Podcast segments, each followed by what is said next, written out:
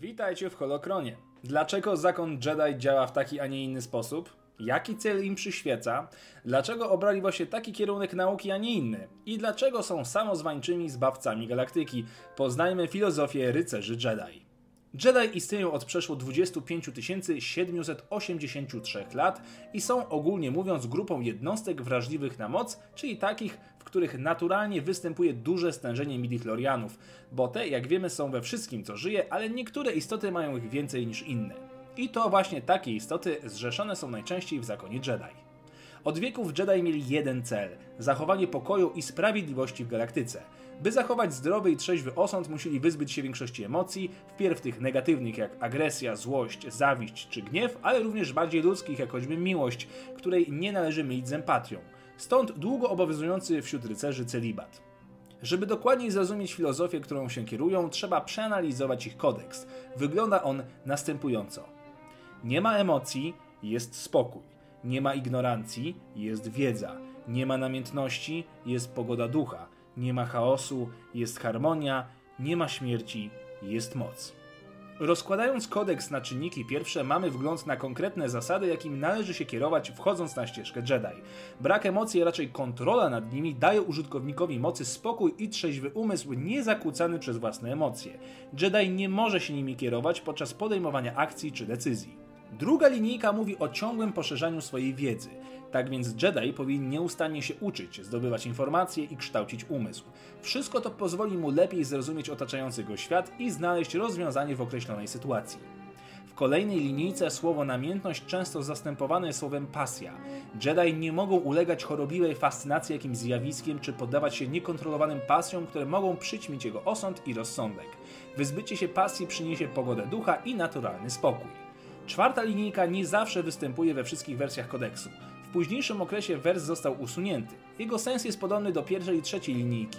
Jeżeli nic nie zakłóca umysłu Jedi, ten zawsze będzie odczuwał harmonię. Przekłada się to również na jego czyny, które mają prowadzić do rozwiązywania problemów w pokojowy i niechaotyczny sposób. Wers ten został pominięty m.in. podczas przemowy na pogrzebie Mary Jade. Ostatni wers mówi o jednej z najważniejszych zasad Jedi, czyli o ochronie wszystkiego co żywe, w szczególności istot rozumnych. W każdej istocie jest moc. Należy więc strzec życie, bo tym samym chronimy moc samą w sobie. Cały kodeks został spisany przez mistrza Jedi od rana Ura, który był legendarnym mistrzem, założycielem Wielkiej Biblioteki Jedi, archiwistą i opiekunem Holokronu.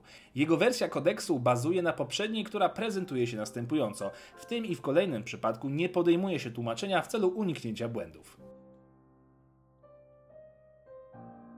W nowym zakonie Jedi Luke Skywalker wprowadził kolejną odświeżoną mantrę, która wygląda z kolei w ten sposób. Kodeks, mimo że wyjaśnia zasady, jakimi kierować się powinien rycerz Jedi, nie przedstawia wielu innych założeń. Zasady te są następujące. Jedi są strażnikami cywilizacji, jednak nie mogą pozwolić cywilizacji na niepotrzebne niszczenie. Jedi korzysta ze swojego życia, by zdobywać wiedzę i bronić innych, nie po to, by używać agresji i zdobywać osobiste korzyści. Jedi nie działa, by osiągnąć potęgę. Miecz świetlny jest symbolem zakonu. Jeżeli Jedi zapali swój miecz, musi być gotowy, by odebrać nim życie. Jedi nie wchodzą w instytucje małżeństwa, aczkolwiek od tego, jak wiemy, istniały wyjątki. Ma to zapobiegać powstaniu dynastii rodzinnych wrażliwych na moc. Jedi darzy szacunkiem wszystkie inne formy życia, Jedi broni słabych i bezbronnych przed złem, Jedi zawsze ze sobą współpracują w razie konfliktu lub walki, Jedi nie mogą mieć osobistych potrzeb, a samowystarczalność musi być widoczna, Jedi nie mogą rządzić innymi, co oczywiście nie zawsze miało zastosowanie i od czasu upadku Republiki zapis ten nie zawsze pojawiał się w kodeksie. Ciekawe czemu. Mistrz Jedi nie może mieć więcej niż jednego padawana. Zasada ta nigdyś nie obowiązywała i wielu mistrzów miało po kilku, a nawet po kilkunastu uczniów. Jednak w późniejszym okresie standardem stało się posiadanie tylko jednego ucznia. Kodeks nie mówi wprost, w jakim wieku powinien rozpoczynać się trening Jedi i w różnych okresach stosowano inny limit wieku, w którym można przystąpić do nauki. Po wojnie z Sithami do zakonu przyjmowano już niemowlęta, później jednak nawet i dorośli mogli uczyć się ścieżki Jedi. Jedi nie powinni zabijać nieuzbrojonego przeciwnika, a także nie powinni się mścić oraz żyć przeszłością, choćby tą najbardziej bolesną. I na koniec Jedi nie zabijają więźniów. Do całego tego zbioru zasad można by dopisać jeszcze kilka, ale myślę, że ten ogólny spis wystarczająco obrazuje, jakimi zasadami kierują się istoty służące jasnej stronie mocy. W kolejnym odcinku Holokronu poznacie filozofię przeciwnej strony, czyli Sithów. Dzięki za oglądanie i niech moc będzie z wami.